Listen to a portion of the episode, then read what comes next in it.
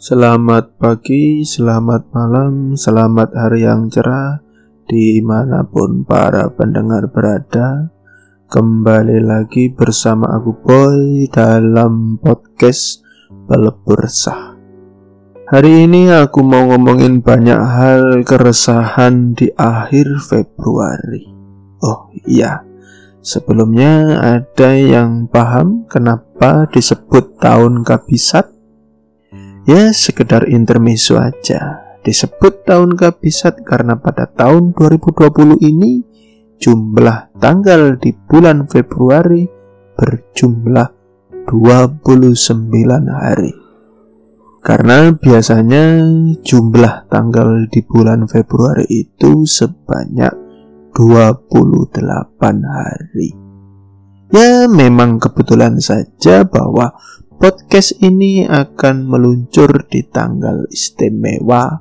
Ha ha ha ha. Dan untuk kali ini aku akan ngomongin banyak hal aneh. Ya, kabar yang terwadau adalah saat ini Indonesia telah dinobatkan menjadi negara maju oleh Amerika Serikat. Di mana sebelumnya Indonesia dikategorikan sebagai negara berkembang. Apakah kalian bangga mendengar ini atau bingung?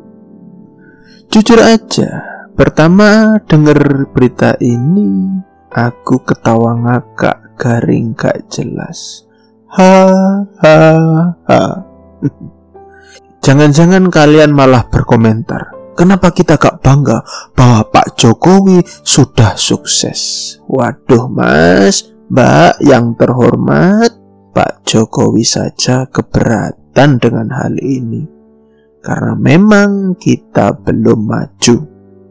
Jadi amini saja.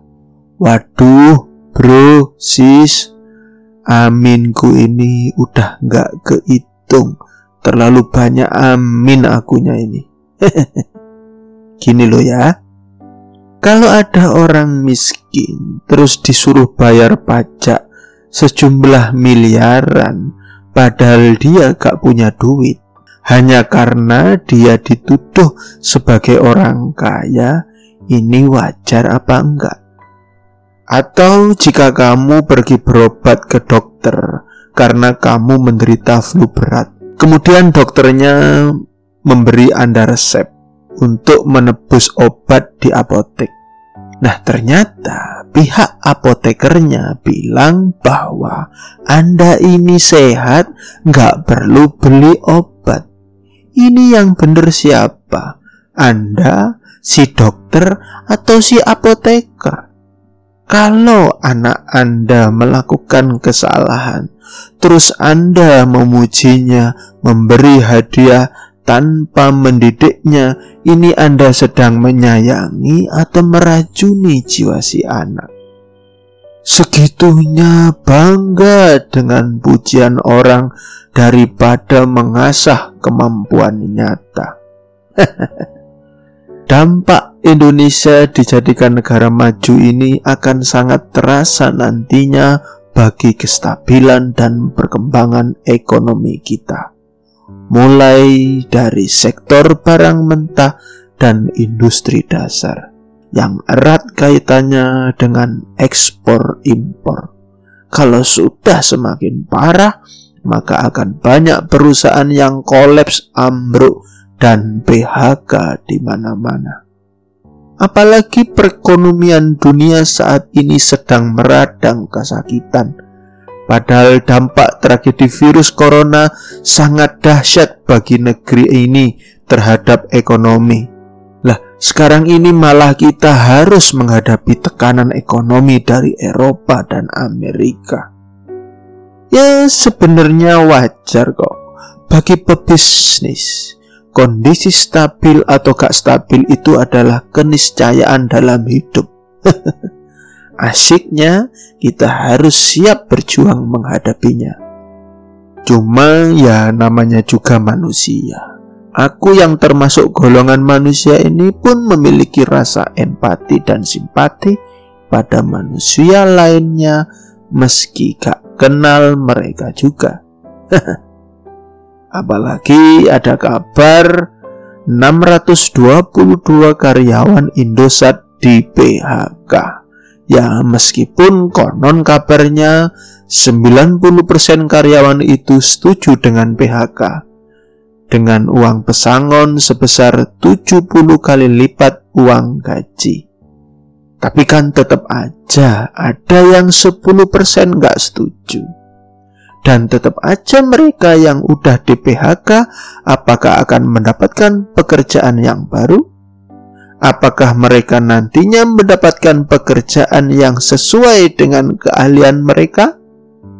Kalaupun dapat kerja yang baru, apakah upah atau gajinya akan dapat memenuhi standar kehidupan mereka?